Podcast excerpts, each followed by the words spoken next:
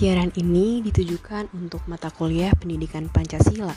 Saya Alia Fatma dengan NIM 2007758 selaku mahasiswa Universitas Pendidikan Indonesia ingin menyampaikan informasi terkait esensi yang didapatkan setelah mengikuti perkuliahan pendidikan Pancasila. Besarnya arti penting Pancasila sebagai pondasi negara memberikan makna yang sangat dalam bagi segenap rakyat Indonesia. Setiap sila yang terkandung dalam Pancasila tidak dapat dipisahkan satu sama lain. Arti penting Pancasila sebagai dasar negara adalah Pancasila menjadi pedoman bagi masyarakat Indonesia. Semua sila Pancasila memiliki keterkaitan antar sila dan menjadi satu kesatuan yang tidak boleh dipisahkan. Dengan memaknai pendidikan Pancasila, Pendidikan Pancasila adalah pendidikan mengenai Pancasila yang merupakan dasar negara Indonesia dengan tujuan menanamkan nilai-nilai luhur pada generasi muda Indonesia.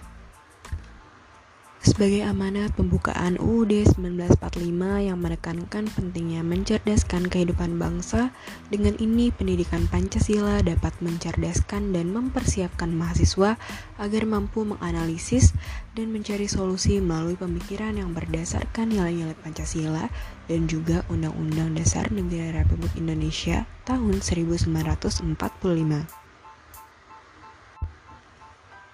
Esensi yang didapatkan setelah mengikuti perkuliahan pendidikan Pancasila, kita dapat mengetahui urgensi, tantangan, dan juga dinamika terhadap pendidikan Pancasila untuk membentengi dan juga menjawab tantangan perubahan-perubahan di masa yang akan datang dalam Undang-Undang Negara Republik Indonesia Nomor 20 Tahun 2003 Pasal 3 menegaskan bahwa pendidikan nasional berfungsi mengembangkan dan membentuk watak serta peradaban bangsa yang bermartabat dalam rangka mencerdaskan kehidupan bangsa.